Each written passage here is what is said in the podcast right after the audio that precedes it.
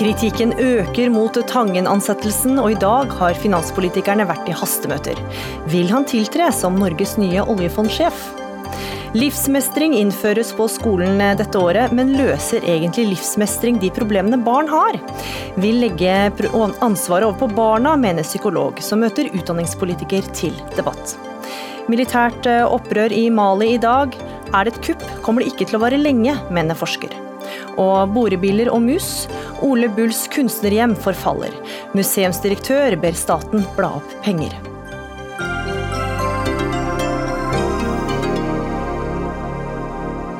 Ja, du hører eller ser på Dagsnytt 18, der vi den neste timen også skal snakke mer om spionsiktelsen mot den norske statsborgeren. En sak som kan skade forholdet mellom Norge og Russland, mener Russland kjenner. I studio, Gry Veiby. Men eh, først skal vi til Norges Bank og ansettelsen av Nicolai Tangen som ny oljefondsjef. For det er fortsatt knytta stor spenning til hvorvidt Tangen faktisk kommer til å tiltre om knappe to uker. Et eh, flertall i Stortinget har stilt seg bak representantskapets kritikk av hele ansettelsesprosessen. Men regjeringspartiet Høyre har ikke konkludert, og med oss fra Stortinget er du, Mudassar Kapur. Du er stortingsrepresentant eh, for Høyre og leder av finanskomiteen, og du har vært i møter i hele dag. Hva er det dere har kommet fram til? Eh, vi har ikke eh, konkludert i saken som komité heller enda. Den endelige konklusjonen eh, til komiteen vil komme i form av en innstilling som etter planen skal avgis fredag 21.8. Men vi har hatt gode samtaler i, i blant partiene som er representert i komiteen. Og vi prøver å se på muligheter for å finne felles plattform der man kan, og jobber videre med saken de neste døgnene. Like før eh, sendinga kom det melding om at Finansdepartementets eksterne utredning konkluderte med at finansminister Jan Tore Sanner ikke kan stoppe Tangen-ansettelsen. Hvordan eh, påvirker det samtalene? Altså Utgangspunktet her er jo at uh, dette er jo noe Finansdepartementet allerede har uh, svart på gjennom spørsmål til Stortinget i forbindelse med denne saken. og Da var jo konklusjonen at uh, at departementet ikke har noen instruksjonsmyndighet. Så har de ønsket en ekstra vurdering av dette, som slår fast det samme. Jeg må ta forbehold om at jeg har ikke lest hele rapporten, men det er i hvert fall konklusjonen, slik jeg har fått med meg av overskrifter. Og det det betyr, er jo at vi må forholde oss til det i vår saksbehandling. og og når Stortinget skal vedta en innstilling, så må den være gjennomførbar. Men hvordan vil det påvirke konklusjonen deres, da? Eh, påvirker i den grad eh, og i den form av at eh, dette er viktige saksdokumenter som går inn i vår saksbehandling, og at når vi skal vedta noe, så må vi sørge for at vi vedtar ting som er gjennomførbart. og Da er dette en del av det grunnlaget vi har med oss inn i arbeidet vårt. Bjørnar Moxnes, du er partileder i Rødt og medlem av finanskomiteen. Du har gitt tydelig beskjed om at Olsen og Tangen bør gå av, men hvorfor er det nødvendig med en så drastisk konklusjon? Dette handler jo om eh, tilliten til eh, Norges Bank, eh, som Olsen skal ivareta, og tilliten til oljefondet, som Nicolai Tangen skal ivareta.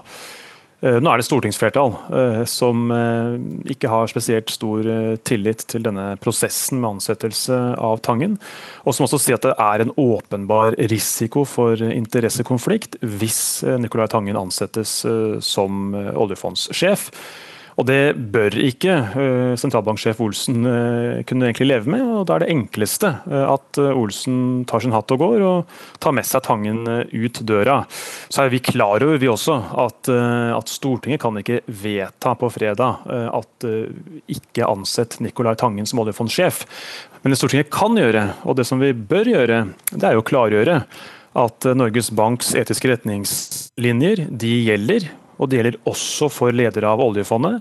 Og de fastslår helt utvetydig at ansatte i oljefondet de kan ikke ha eierinteresser eller bierverv som kan skape interessekonflikter eller kan skape mistanke om konflikter.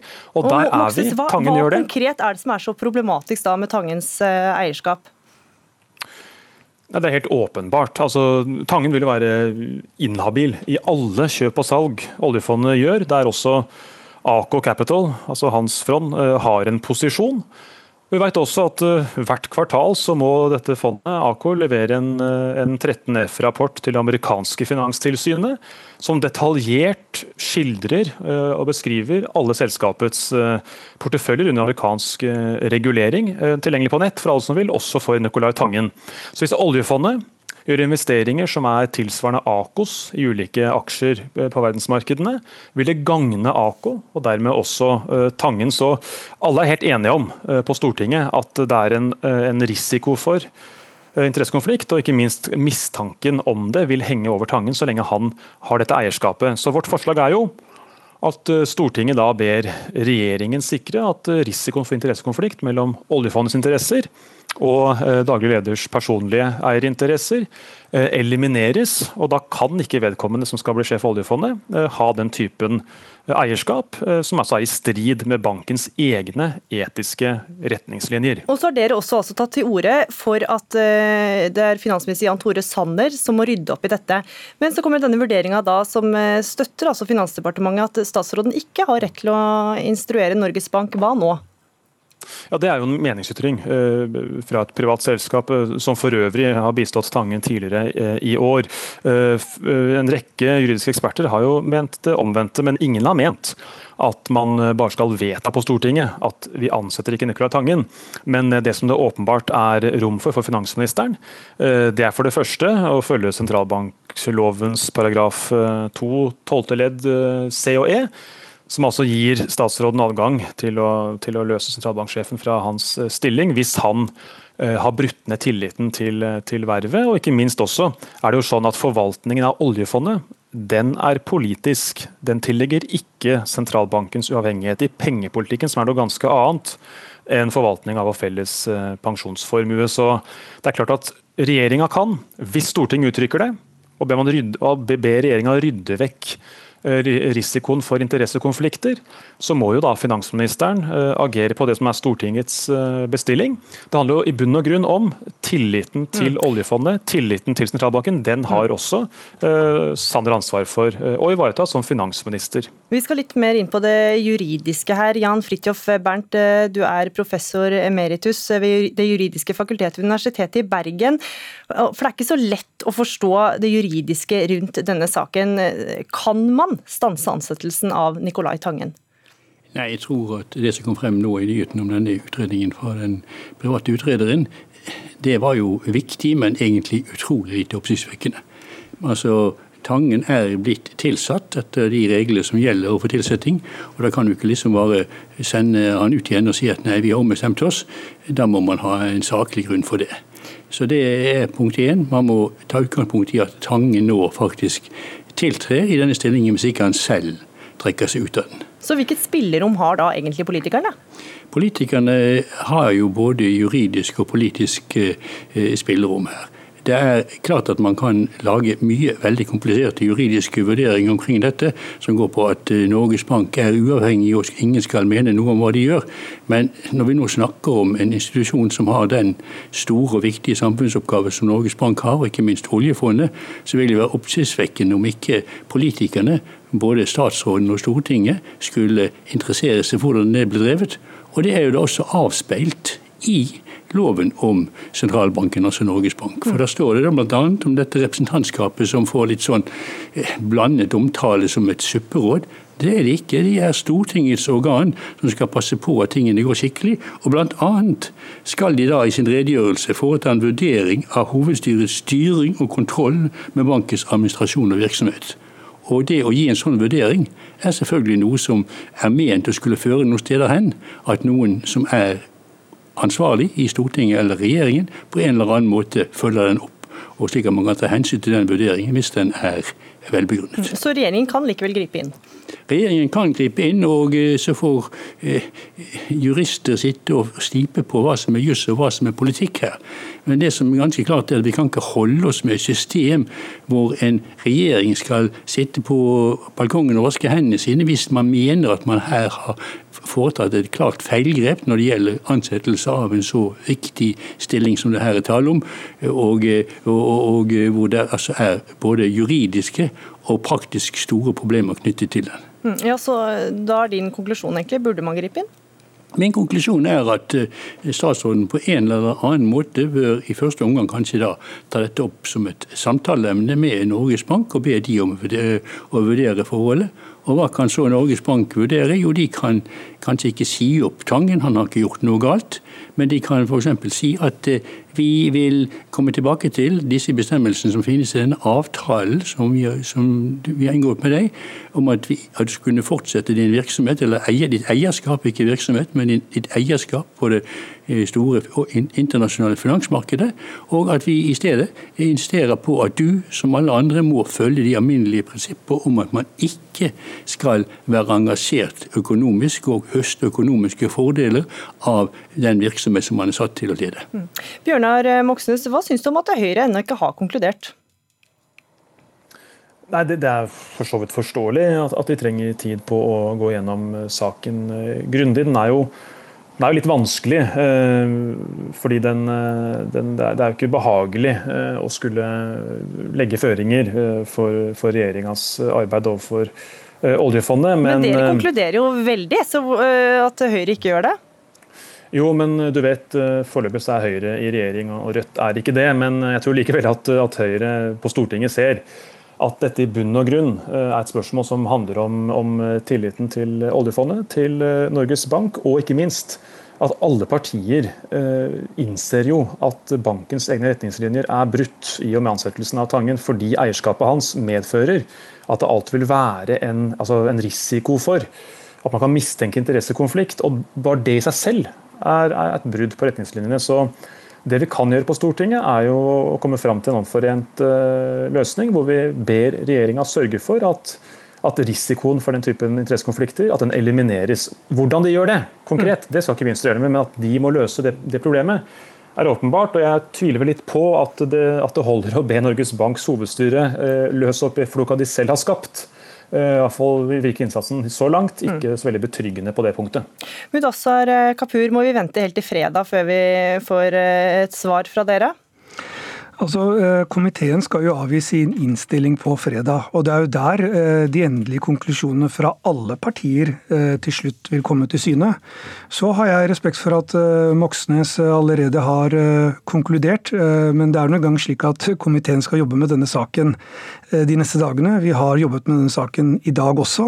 Og jeg kan også garantere Moxnes én ting at eh, vi hadde trådt like varsomt og med forsiktighet og seriøsitet i denne saken, selv om vi hadde vært i opposisjon. For det er en sak av stor viktighet, og her er det viktig å trå rett. Mm, men det er altså et stortingsflertall som stiller seg bak kritikken av Tangen-ansettelsen, så dere er ganske aleine?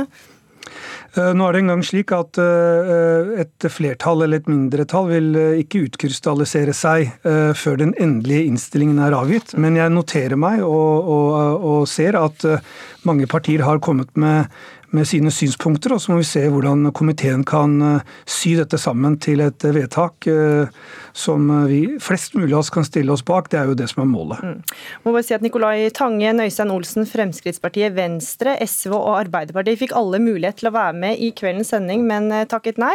Men takk til dere, Mudassar Kapur fra Høyre, Bjørnar Moxnes fra Rødt og Jan Fridtjof Bernt fra Universitetet i Bergen. Og vi skal få inn kommentatorene. Og politisk kommentator her i NRK, Magnus Magnus Takvam, hva er det viktigste som har skjedd i dag? Det er jo denne utredningen som dere nettopp har snakket om, selv om eh, det sikkert blir en diskusjon om eh, verdien av den, siden den eh, er gjort av et eksternt byrå osv.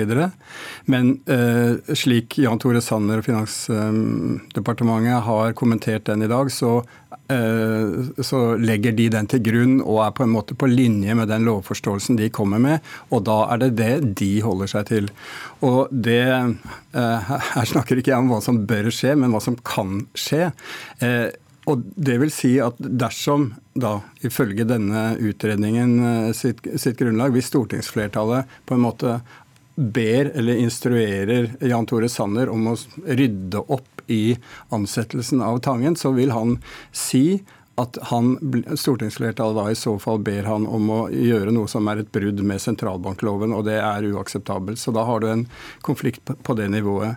Det andre som, som ligger i den juridiske utredningen, er at intet statsorgan, slik det står uh, formulert, kan heller instruere direkte eller indirekte uh, skjult uh, i en slik sammenheng. Og Det legger også føringer på den måten Stortinget henvender seg eventuelt til hovedstyret om å rydde opp. De kan ha, ifølge denne juridiske forståelsen, en meningsytring eh, om kjernepunktet i kritikken om interessekonflikt osv. Men eh, slik jussen her er, så, så, så, mener man da at man kan ikke instruere hovedstyret til å endre, endre, den. Så det er noen av slutningene jeg tror departementet og regjeringspartiene trekker av denne utredningen. Hmm. Fridtjof Jacobsen, politisk redaktør i Dagens Næringsliv. Hvis konklusjonen blir at verken Stortinget eller regjeringa kan instruere Norges Bank i denne saken, er kaoset komplett, skrev du i går. Hva sier du i dag? Ja, det er, kaoset er jo relativt komplett, vil jeg si.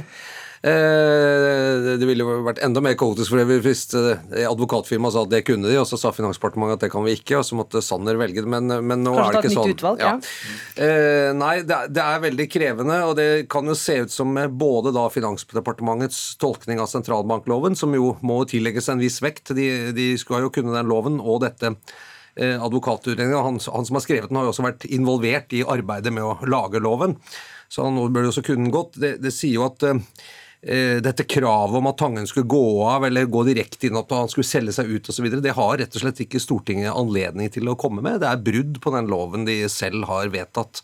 Og Det betyr vel at eh, enkelte stortingsrepresentanter fra Arbeiderpartiet og andre har, eh, har, har, gått eh, litt utover på en måte de fullmaktene de har gitt seg selv da, gjennom sentralbankloven. Det er jo oppsiktsvekkende. Nå kan Stortinget gjøre det. Stortinget trenger ikke å være enig med seg selv. De kan vedta alt de vil hele tiden og trenger ikke å forholde seg til om det er lov engang, men, men sånn er det.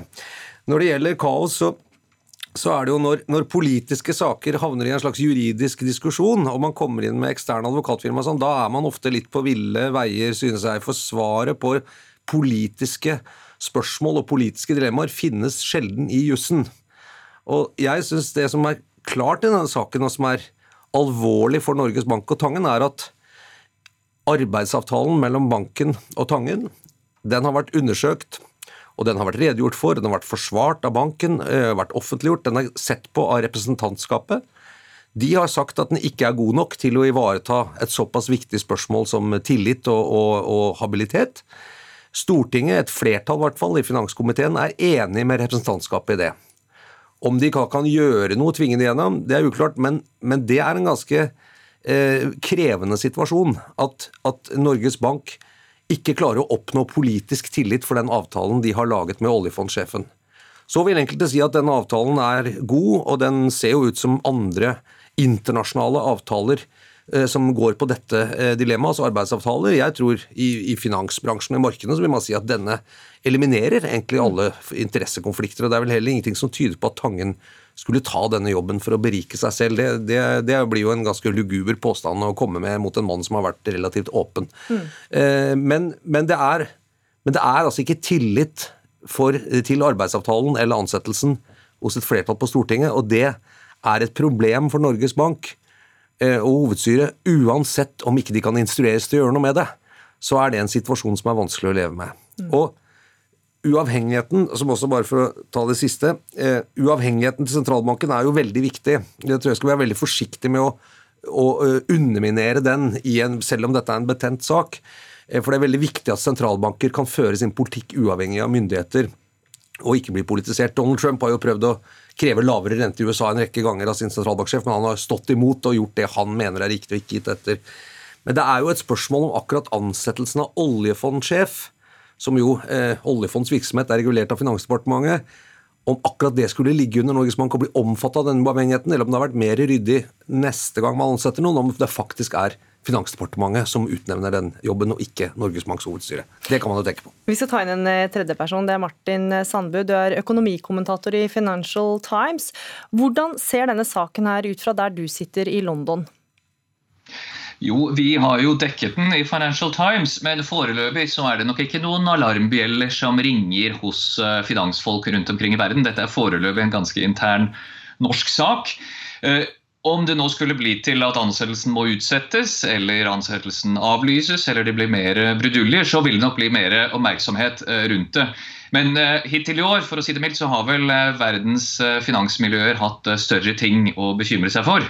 det jeg derimot tror, er at hvis det ikke blir slutt på denne saken, uavhengig av hva som skjer nå de neste par ukene, men la oss si at vi får Norges Bank sin løsning, Tangen blir ansatt, med den avtalen som har blitt, blitt tegnet opp, det er jo en eh, åpen invitt for alle verdens næringslivsjournalister å se på hvert eneste aksjekjøp og aksjesalg oljefondet foretar seg, hver eneste beslutning om eh, i disse styringsdokumentene f.eks., og se om det har kommet AK-systemet til gode.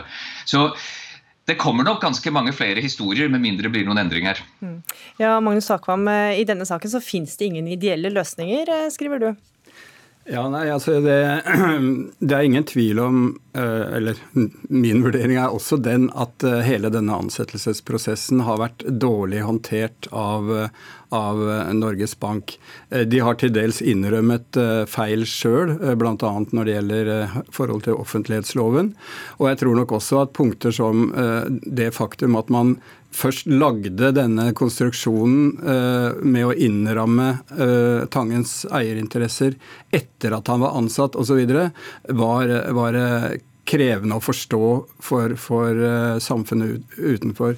Men det er i bunn og grunn da en politisk konflikt her, både på det nivået når det gjelder hvor alvorlig er den kritikken eh, mot avtalen som, eh, som, som vi snakker om, f.eks. denne potensielle interessekonflikten eh, som, som, er kjernen i, i, saken. Hvor alvorlig er den? Der er det åpenbart at så langt venstresiden eh, ser på den som så alvorlig at den på en måte trumfer det juridiske hensynet til sentralbankloven om ikke, at Finansdepartementet ikke, ikke, bør gripe inn. Så det er som alltid en sånn politisk vurdering som, som ligger i bånn. Mm. Og jeg tror nok at for regjeringspartiene og antagelig Frp så er hensynet til at uh, en stor skandale ved at uh, både sentralbanksjef og påtroppende olje, oljefondsjef må gå, større enn den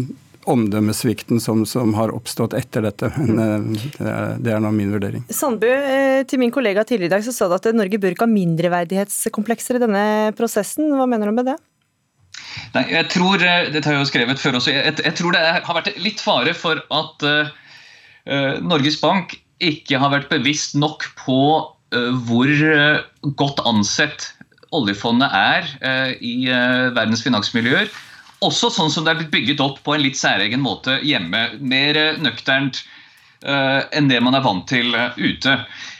Så jeg tror nok det har vært en veldig stor iver etter å få Tangen på plass. Og han er helt klart en dyktig finansmann. Men det har jo vært veldig vanskelig å få på det rene om ansettelseskomiteen noen gang vurderte å sette som krav, eller i hvert fall prøve å sette som krav at han måtte selge seg helt ut. Mm. Det har vi faktisk ikke fått svar på. Vi er mange som har prøvd. Så det er vanskelig å unngå et inntrykk om at det allerede fra begynnelsen av Vi har jo hørt at for Tangen var det alltid uaktuelt, men vi har ikke helt hørt om hvorfor Norges Bank ikke tok en runde med seg selv. Mm på om vi ikke må prøve å sette dette som krav. Helt avslutningsvis, eh, Fridtjof Jacobsen. Hvor realistisk er det nå at Tangen faktisk tiltrer som oljefondsjef om knappe to uker? Det er vanskelig å, å, si, det vet vel egentlig bare han. Men det er klart at hvis han nå trekker seg, så løser han jo konflikten. Og er, han sitter jo med den, på den eneste nøkkelen til å løse opp denne konflikten i denne runden. Eh, men eh, hittil har han jo stått på sitt, og han har signert avtalen. og Han virker jo bestemt på å gjøre det han skal. Han er jo allerede i banken og, og, forbereder seg, så det, det, det, ser ikke sånn ut. Men det, eh, her kan blir, alt skje. Her kan alt skje, og Det blir ikke siste gang vi hører om det, saken i Dagsnytt 18. Magnus Takvam, Fridtjof Jacobsen og Martin Sandbu, takk for at dere var med i Dagsnytt 18. Dette skoleåret innføres livsmestring som et tverrfaglig tema på skolen. Målet med faget er at elevene lærer å håndtere medgang og motgang på best mulig måte.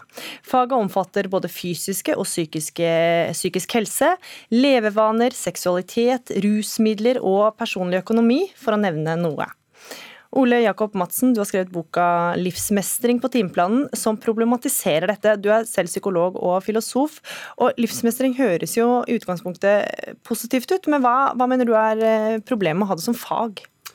Ja, eh, Nå skal det jo ikke være et fag, da, så da er det kanskje ikke Det skal være et tverrgående mm. emne som de etablerte fagene skal trekke veksler på, da, bare for å eh, spesifisere det. Men et av problemene tenker jeg at du egentlig ga i din innledning. Altså det er veldig omfangsrikt. Det handler om alt fra det å kunne betale sine regninger til å sette grenser til meningen med eller i, eh, i livet. Eh, og jeg tror mange eh, som skal jobbe med det her, og også psykologer, selv om de er positive til, langt mer positive enn meg om at dette skal inn i skolen, er, er, kritiske til at det er lite klare føringer på hvordan de ulike skolene skal følge det opp. Da. Mm. Eh, og En av grunnene er kanskje at man ønsker at de ulike skolene og lærerne skal ha mye selvbestemmelsesrett og frihet til selv å bestemme det, men da tenker jeg at da gjør det også ganske sårbart for at eh, mer eller mindre seriøse eller useriøse aktører innenfor skal si, selvhjelp og terapeutiske tjenester da på en måte tilbyr enkle psykologiske teknikker som mange vil betegne som pseudovitenskap. Eh, som de forsøker å fylle dette med. Og Det finnes jo allerede noen eksempler på det. NRK ga bl.a. en reportasje om såkalt powerposing i et sånt klasserom i Lier for,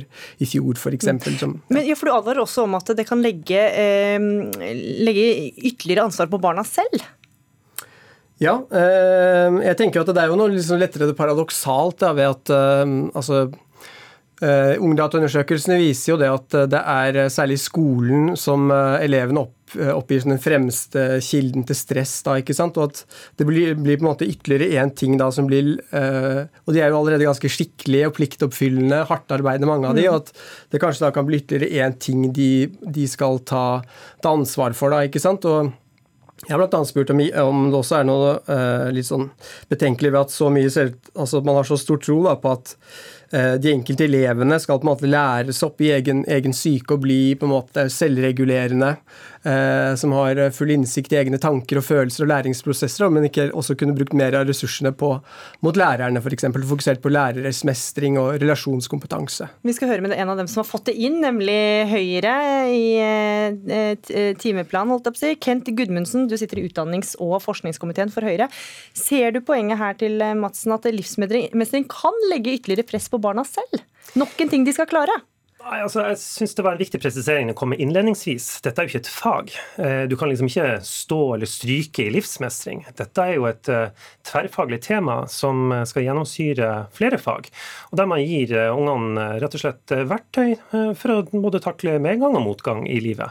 Eh, jeg tenker at Det aller viktigste vi kan gjøre i norsk skole, det er å ha tidlig innsats, eh, få på plass grunnleggende ferdigheter, være med på å skape mestringsfølelse hos ungene våre. For det gir læringsglede og en positiv spiral, selvtillit. Eh, og det gjør jo at du også takler andre ting mye mye bedre i livet. Mm. Så jeg tenker Det viktigste vi kan gjøre nå, det er jo at vi implementerer disse nye læreplanene på en god måte på skolens og elevenes ikke minst premisser, sånn at de får tilpasset opplæring, får flere verktøy med seg i livet til å takle det samfunnet vi, vi, er en del av. For det vil være med på å bygge gode borgere og gjøre at barna våre takler livet på en god måte. Ja, Madsen, det ikke, er, Vil det ikke bare bidra til å gi barna et verktøy, altså håndtere følelser og vanskelige ting? Um ja, det kan, du, eh, det kan, du, si, men jeg tror på en måte dessverre ikke at altså Det jeg er redd for, det er kanskje at man da sier altså Man har bl.a. sammenligna med at det skal være en gymtime for tanker og følelser. At dette blir på en måte noe eh, elevene selv skal trene på, vedlikeholde og på en måte selv selv ivareta. Da, når vi vet måte, at si, god psykisk helse i stor grad avhenger måte, av oppvekstvilkår, altså familiebakgrunn, på en måte de tingene der, og at Det ser ut som meg som at veldig mange av de politiske partiene har på en måte kjøpt en sånn problembeskrivelse av dagens generasjon som en sånn generasjon-prestasjon. på en måte At problemene bare er skal si, eh, stress og press, at de, har for at de er for ambisiøse på egne vegne. Mens hvis man ser på det, så er det fortsatt sånn også i et relativt egalitært land som Norge. altså at Psykisk helse også henger sammen med økonomiske forskjeller. og på en måte om eh, Barn føler at familien har god råd hele tiden, eller, eh, eller, ikke. og Det henger også sammen med rapportering av psykiske helseplager. Altså, Men hva er din løsning dette, da? Eh, nei, altså jeg har allerede skissert nå at man kunne legge mer av ressursene altså mot de voksne da, i, i, klasserommet. Mm. Man kunne også gå et enda høyere nivå på en måte fokusere på eh, skoleledelsen, politikere, eh, økonomien til, eh, til, kommunene. Sørge for at, eh, at, det er nok lærere per elev, at man kan ha utjevning av sosial ulikhet i, som gratis barnehage, bolig for utsatte grupper. Så på en måte jeg tenker at dette også henger sammen med, med politikk da, i, i, høyeste grad, og at jeg kanskje er redd da, for at dette blir på en måte litt sånn enkle, psykologiske, individuelle svar på sammensatte samfunnsproblemer. da. Gudmundsen, vet man hvor mye det koster å innføre dette her som et tverrfaglig tema? Det er ikke noe ekstra kostnad, fordi det er ikke flere timer. og det vil jo være et Men det er vel opplæring i lærere og skoler og ja, Det vil være en del av eh, satsinga som vi vil legge i skolen på etter- og videreutdanning, på oppfølging av eh, nye læreplaner og, og alt det som følger med av læringsressurser. Men det som nevnes her, det er jo tiltak som vi gjør i bredt. Eh, alt ifra lærere og det som vi har av eh, målretta tiltak mot familier som har eh, ekstra utfordringer. Vi har satsa på skolehelsetjenesten, vi har styrka barne- og ungdomspsykiatrien, psykologitjenester i, kommunene osv. Så, videre. mm. så at, poenget her er jo at vi gjør jo veldig mye av dette. Og jeg håper ikke at man mener her at man skal senke kravene, for det kommer ungene til å gjennomskue. Det som vi må gjøre, er jo at vi gjør ungene i stand til eh, å møte de utfordringene som kommer i livet, det er jo med på å skape eh, god selvtillit eh, og dermed også livsmestring. Og Hvordan vil dette tverrfaglige temaet gjøre det, da?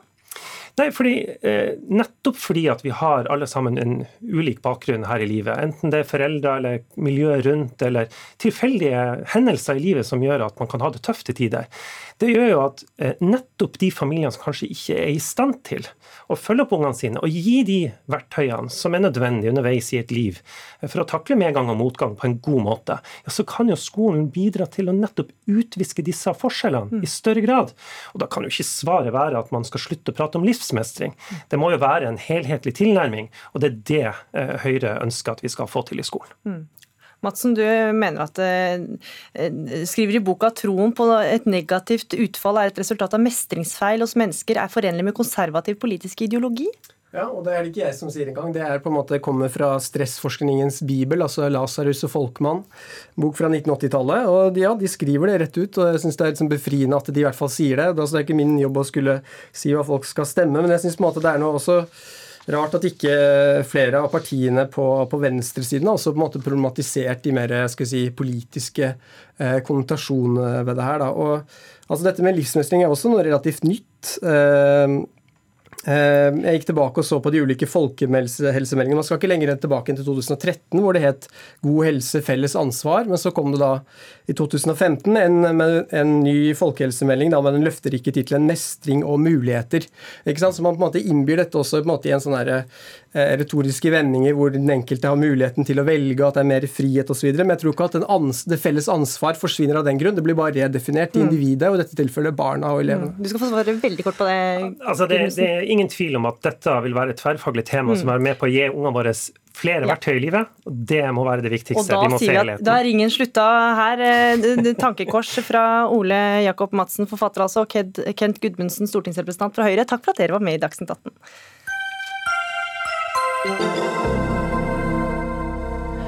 Borebiller og mus, fiolinisten eh, Ole Bulls sommervilla i Hordaland rotter. Men eh, Kode kunstmuseer, som drifter kunstnerhjemmet, har ikke råd til å ta regninga. Nå må staten bidra, mener museumsdirektør. Men til en helt annen sak. Norske myndigheter vil foreløpig ikke komme med politiske reaksjoner mot Russland etter at PST har sikta en norsk statsborger for spionasje. Det bekrefta statsminister Erna Solberg overfor NRK i ettermiddag. Og Det var altså i går at en nordmann ble varetektsfengsla med brev og besøksforbud i fire uker. Han er sikta for avsløring av statshemmeligheter og grov avsløring av statshemmeligheter. Mannen innrømmer å ha solgt informasjon for penger, men erkjenner ikke straffskyld. Og Ola Johan Kaldager, du er pensjonert offiser og tidligere leder av etterretningsgruppa E14. Hvilken alvorlighetsgrad har denne spionsaken? Den, eh, hvis man ser på den siktelsen som er lagt til grunn da, for fengslingen, så er jo det de sterkeste to paragrafene som gjelder sånne forhold som vi har i straffeloven. Og Vi må antageligvis helt tilbake til, eh, til saken mot, eh, den spionsaken vi hadde mot han nå husker jeg ikke navnet hans umiddelbart, men det, det har vært to-tre saker etter annen verdenskrig hvor, hvor, disse har vært anvendt. Mm. Ehm, Ingrid Oppdal, du er førsteamanuensis eh, ved Institutt for forsvarsstudier og leder Russland-programmet ved Institutt for forsvarsstudier. Hvorfor er russisk etterretning eh, opptatt av Norge? Um, ja, det, Norge er et Nato-land, uh, og vi er et naboland. Så mye av forklaringen generelt uh, fins jo der. Um, så er det jo også sånn Dette her dreier seg jo om industrien at eh, norsk industri er langt fremme eh, maritimt, eh, også når det gjelder våpen. og også når det gjelder liksom de mer høyteknologiske sidene av de bransjene. og det er jo selvfølgelig russerne opptatt av. De, de har jo marine, skipsverft, og også er interessert i å følge med på, får man anta, da, hvor langt Norge som også eh, et Nato-land er, er, kommet i en del av den teknologiske utviklingen. Mm. Så, så, jeg tror eh, det, det, er nok veldig mye av bakgrunnen. Kaldager, hvilken strategi har norsk etterretning når det er mistanke om spionasje? Nå er jo dette kontraetterretning, da, så det er jo det motsatte av etterretning. Men eh, strategien er jo da å Selvfølgelig foregår dette mye ut fra ambassader eh, fra de to landene som da både Etterretningstjenesten og sikkerhetstjenesten i Norge i sine trusselvurderinger sier at eh, det er de som driver mest eh, med, med, denne virksomheten i Norge. Og da følger man jo med på de attachéene i gåseøynene, vil jeg si, som, som, er der, som er etterretningsoffiserer under dekke av å være noe annet. Og De prøver jo da å skaffe seg eh, kontakter rundt i det norske samfunnet i miljøer som er av interesse. Og har vel da truffet på denne karen her og startet opp med kanskje noen små gaver, noen små pengesummer, og så baller det på seg, og så er vedkommende plutselig eh, eh kommet i en situasjon hvor han må hoppe når de sier hopp. Dette er en tradisjonell måte å verve agenter og kilder på. Mm. Lite ideologi etter, etter, etter, den kalde krigen. Eh, den siste ideologen måtte jo være kanskje Treholt, da, som hadde sympati for russerne. Iallfall det sa han selv under straffesaken. Men, men i, dagens situasjon så kan kanskje ideologi spille noe i konfliktområder og kriseområder, men, men sånn generelt sett nå så dreier det seg om penger, altså, eller fordeler, eller det å prøve å være kanskje litt sånn uh, høy og mørk. At man, at man har blitt sett. Mm. Odin Johansen, du representerer næringslivet og er direktør ved Næringslivets sikkerhetsråd. og Dere er bekymra etter at saken ble kjent i går. Hvilken bekymring er det dere har? Bekymringen er jo knyttet til det forhold at det faktisk foregår eh, spionasje, og at vi eh, kanskje ikke tar dette helt eh, på alvor. Mm. Eh, vi er blitt ganske gode når det gjelder eh, næringslivssikkerhet generelt, eh, og da spesielt knyttet til digitale flater, som det har vært et ordentlig fokus på. Men vi mener at denne hendelsen viser at vi kan ikke bare se på én måte å hente ut informasjon fra næringslivet på. Vi må lytte til faktisk eh, hva myndighetene over flere år har gitt oss råd om. Og eh, eh så må vi møte det også når det gjelder eh, denne type informasjonsinnhenting. Men hva vet dere om omfanget av utenlandsk eh, etterretning for norsk næringsliv?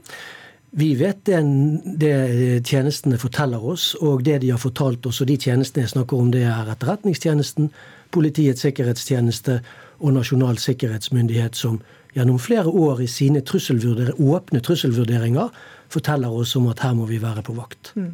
Ingrid Oppdal, i dag har vi hørt eh, at eh, statsminister Erna Solberg foreløpig ikke vil si noen ting. Men hvilke konsekvenser kan dette få for forholdet mellom Norge og Russland? Det, eh, altså det, jo eh, Det er jo aldri positivt eh, i den forstand at det, det Litt avhengig av hvordan saken utvikler seg, så, så, så, kan det komme til å legge en demper på forholdet i en periode. Men etterretning er jo noe som stater driver med. Det er en del av, av det man også til en viss grad venter, da. Og sånn sett så er det ikke alltid at, at det får at det kan endre f.eks. det bilaterale forholdet vesentlig, men, men, det er jo avhengig av hvordan saken utvikler seg videre i rettssystemet.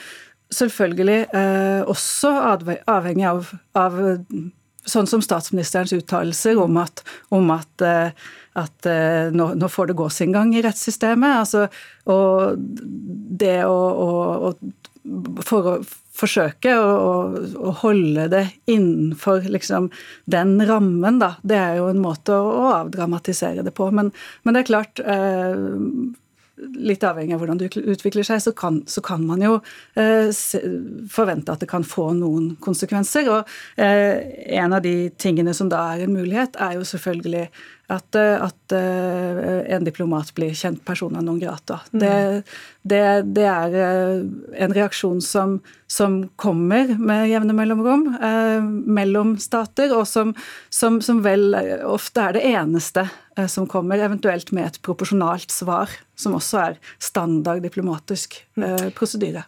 Kaldager, nå er jo denne personen foreløpig bare sikta. Hvordan kan vi være så sikre på at ikke PST tar feil?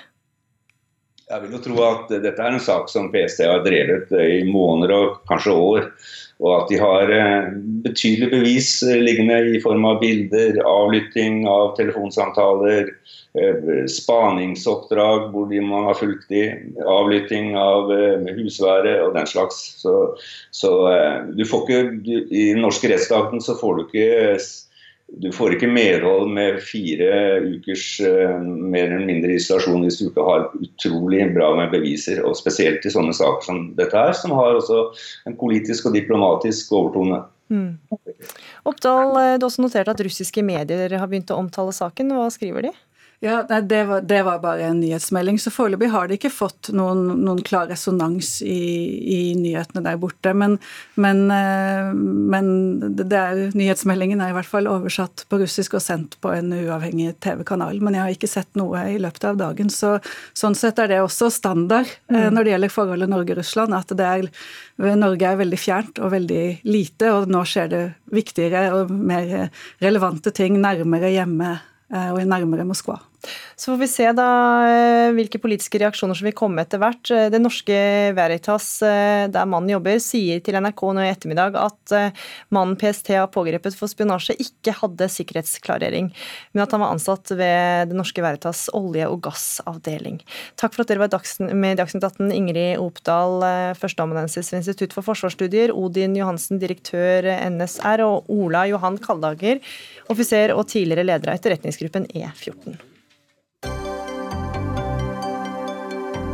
Hør Dagsnytt 18 når du vil. Radio NRK Radio.nrk.no.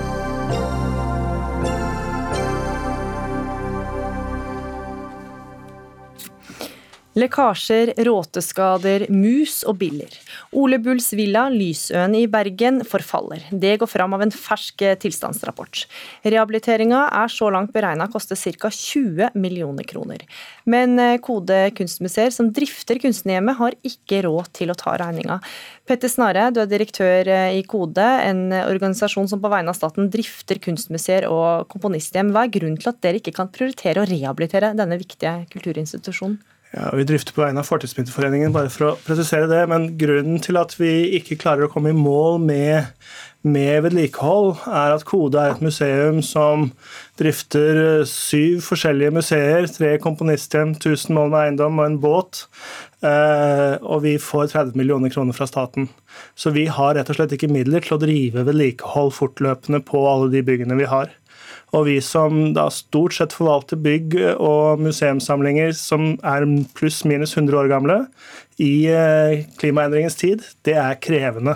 Så det vi rett og slett trenger i denne sammenhengen, er at vi får økt driftsstøtte og et løft for disse byggene. Mm, hvor mye penger er det snakk om? Ja, for Kode, eller for, for uh, Lysøen, så regner vi med ca. 40 millioner når både samlinger og bygg er på plass. Men uh, vi har bedt om en økt driftsstøtte på 55 millioner i året. Mm. Gunhild Berge Stang, statssekretær fra Kulturdepartementet. Vi har altså om borebiler og mus. Er det sånn vi skal oppleve sommerhuset til Ole Bull? Eh, nei, det er det ikke. Og eh, dessverre, må jeg si, så eh, belyser direktøren her ved, ved Kode en problemstilling som nok preger veldig mye av museumsbygningene i Norge. Vi har 5000 museumsbygninger, som, og vi har store etterslep. Og jeg syns det er bra at en setter et fokus på dette. Og så er vi selvfølgelig veldig bekymra for Lysøen, som er et kulturminne av nasjonal verdi. jeg er nå vestlending og, veldig, og veldig opptatt av at, at, at Lysøen blir tatt vare på for fremtiden. Så vi er, vi er veldig bekymra og, og, er opptatt av situasjonen. Men kommer det penger, som jo etterlyses her? Når det gjelder statsbudsjettet, så kan jo ikke jeg kommentere det. Men nå har, vil jo òg si at vi, vi Nettopp fordi at vi er opptatt av eh, rammebetingelsene til Kode, og at vi er opptatt av å ta vare på Lysøen, så har jo vi også eh, eh i, i krisepakke tre eh, i forbindelse med korona, så var jo faktisk Kode det den institusjonen som fikk mest, som fikk, tolv 12 millioner, som er høyeste, høyeste løyvinga i den potten i Norge. Eh, men så er vi ikke i mål, og så må vi avvente når vi får når vi, vi ser fram til å få framlagt rapporten fra Multiconsult, som er på vei, etter det jeg har skjønt. Og da skal vi selvfølgelig se nærere på situasjonen. Og Hva vil kunne endre seg da, når dere får den rapporten? Nei, Da har jo vi iallfall fått, fått, sett, fått dokumentert utfordringene, og det er klart det må ligge til grunn i den videre videre behandlinger. Og eh, vi ser også fram til, til, til eh, når eh, en søknad på, kode, på, unnskyld, på Lysøen foreligger. Mm. Men altså, Det er jo snakk om da trang økonomi, som dere har jo snakka om i flere år i Kode, at dere har vært underfinansiert i mange år. Men altså, vi hører om lekkasjer, råteskader, mus og biller. Hvordan kan museet ha latt dette gå så langt? Denne rapporten er, eh, er, jo veldig fersk, den er bare en måned og halvannen gammel. Så vi holder på, prøver å holde oss oppdatert på, eh, på eh, tilstanden på alle våre bygg. Og så får vi disse overraskelsene innimellom, som vi da gjerne absolutt ikke vil ha. Men dette skyldes jo en vedvarende tror jeg, skjevfordeling mellom, mellom uh, Oslo og resten av landet. Og her tenker jeg at Nå har vi en kulturminister som sier han er veldig glad i Bergen, og en statsminister fra Bergen. Uh, så da tenker jeg at nå kan man kanskje få til en, et, uh, en bergenspakke, et løft for kulturmiljøet i Bergen. Men en vedvarende skjevfordeling, sier du. Men er det noe dere kunne gjort underveis som har gjort at det ikke har kommet så langt som det faktisk har kommet i dag? da?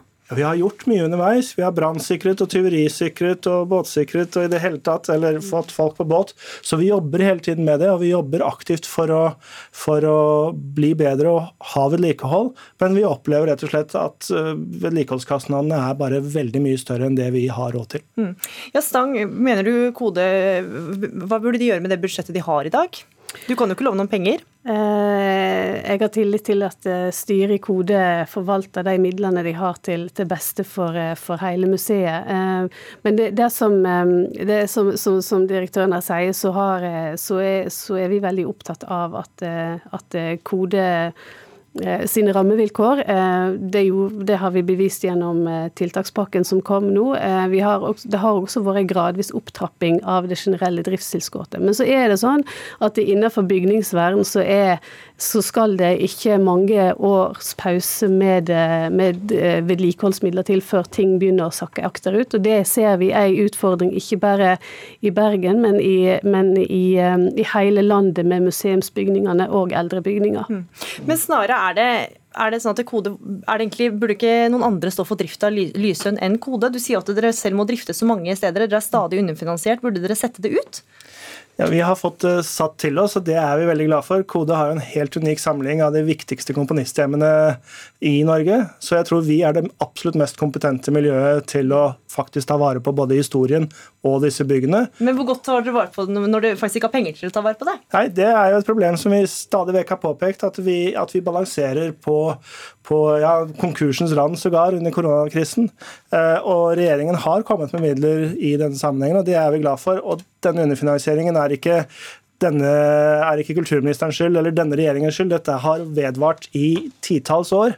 Så, så, men nå eh, må det skje noe. Og det, vi er den første til å innrømme at eh, når vi får penger, så skal vi være de aller beste i feltet. Men du får jo ingen løfter her eh, fra Stang. Er det, burde noen andre forvalte Lysøen?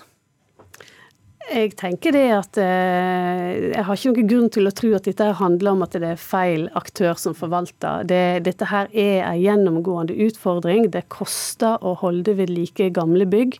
Eh, og eh, midler alltid, vil alltid være et knapphetsgode, uavhengig av hvem som drifter og eier det.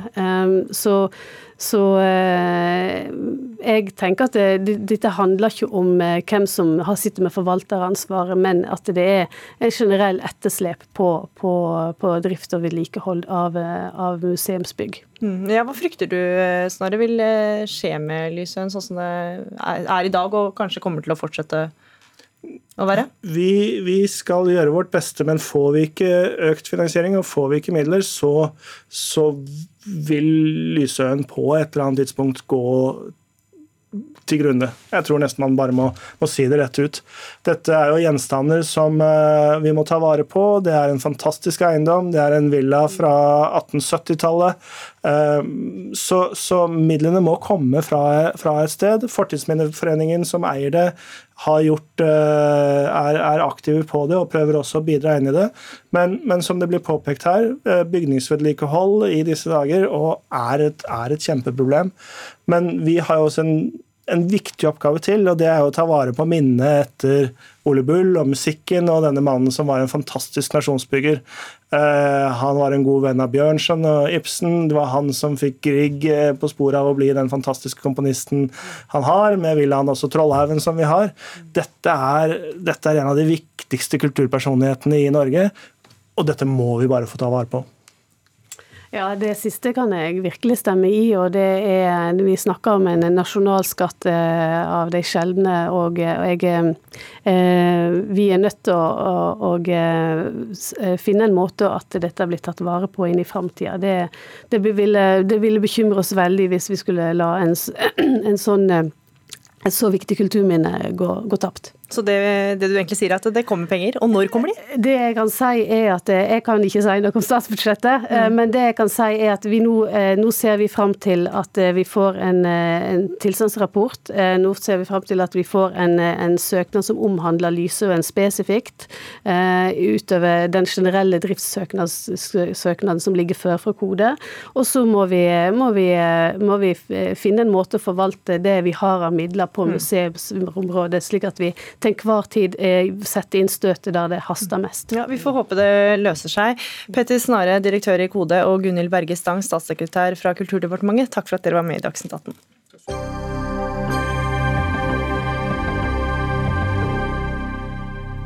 Soldatene på en militærbase utenfor hovedstaden i Mali har gjort opprør. Den norske ambassaden har advart, advart nordmenn i det vestafrikanske landet mot å gå ut. Og Afrikakorrespondent Ida Titlestad Dalbakk, hva vet vi om situasjonen nå? Det er en eh, talsmann for militæret i Mali som har bekreftet at det har vært avfyrt skudd på denne militærbasen eh, som eh, ligger rundt 15 km fra hovedstaden. Og Det offisielle kilder sier nå, er at den statlige TV-kanalen er evakuert, og også departementene i hovedstaden har forlatt sine kontorer. Og Det er jo mange rykter nå om hva som skjer, og hundrevis av mennesker mennesker har jo eh, kommet ut i gatene i eh, Bamako fordi de har hørt om eh, dette opprøret som det har kommet meldinger om. Det har også kommet rykter om at selv presidenten har blitt arrestert, men dette er ikke bekreftet så langt. Og det er mange usikkerhetsmomenter rundt dette opprøret. Mm, ja, Vet vi noe som helst om hvem som står bak opprøret? Det som eh, det sies, er jo at det er et eh, militært eh, opprør. I 2012 så var det jo et lignende militært opprør som startet på samme base, og som førte til at president Keita, som nå sitter ved makten, da kom, inn etter den tidligere presidenten. Så Det er jo også det som gjør at man nå tror at det kan være et, et militærkupp. Nettopp det at det skjer på samme militærbase i en periode hvor man har sett veldig mye motstand mot eh, president Keita i Mali. Mm. Seniorforsker ved NUPI Morten Bøås, hvem er eh, disse opprørsgruppene i eh, Mali? Ja, Det er et bredt spekter, men generelt sett så kan vi si at de viktigste er ulike jihadistgrupper. Noen av de støtter seg på i den forstand at de sier at de støtter Al Qaida, andre sier at de støtter den islamske stat, men først og fremst er dette lokale grupper, og veldig mye av dette er drevet ikke nødvendigvis av religion eller ideologi, men av konflikt om knappe ressurser og en frustrasjon over en stat som overhodet ikke fungerer. Det som nå skjer i Bamako er jo noe helt annet. og er, eh, det er klart det er en eh, konsekvens av eh, det generelle kaoset, men det som ser ut til å ha skjedd Jeg har snakket med kollegaer i Bamako i løpet av dagen, og det de sier er at en i går så sparket IBK, altså Kaita, den malske presidenten, han sparka sikkerhetssjefen sin, en general Diav. Og at det er han og hans menn som har starta denne skytingen i Kati, denne militærbasen, og at det også har vært skyting i en annen leir som tilhører nasjonalgarden. Uh, hvis dette er tilfellet, så kan det, dette være ganske spontant, og det ikke er noe som er planlagt, men altså det er en frustrasjon innen deler av det militære. Så det gjenstår å se. Og som også Dalbakk var inne på, så er det veldig mye rykter. Mm. Hvor lenge vil dette kuppet kunne vare, Bøås? Ja, altså, nå vet vi ennå ikke om det er et kupp. Dette mulige kuppet, blir... vil å merke? Ja. ja om, det er et kupp eh, og om de eventuelt lykkes. Jeg har ikke så veldig stor tro på at de kommer til å lykkes. Men om de nå skulle lykkes og ta over makten, så tror jeg det vil være ganske kortvarig. at de andre vestafrikanske landene, nabolandene her, vil ikke tolerere den type maktskifte. Eh, Mali er en del av det såkalte økonomiske samarbeidet av vestafrikanske stater. og Det er også et monetært samarbeid, dvs. Si at de har en pengeunion og Det gjør det mulig for de andre statene i dette regionale samarbeidet å rett og slett skru igjen den fysiske pengekrana til Mali. Det gjorde de også i 2012 i forbindelse med kuppet som Dalbakk refererte til. og Det førte til at kuppmakerne egentlig måtte inngå forhandlinger ganske umiddelbart. Mm. Og Dalbakk, så var det også uro i Mali i sommer. Hva var bakgrunnen for den uroen?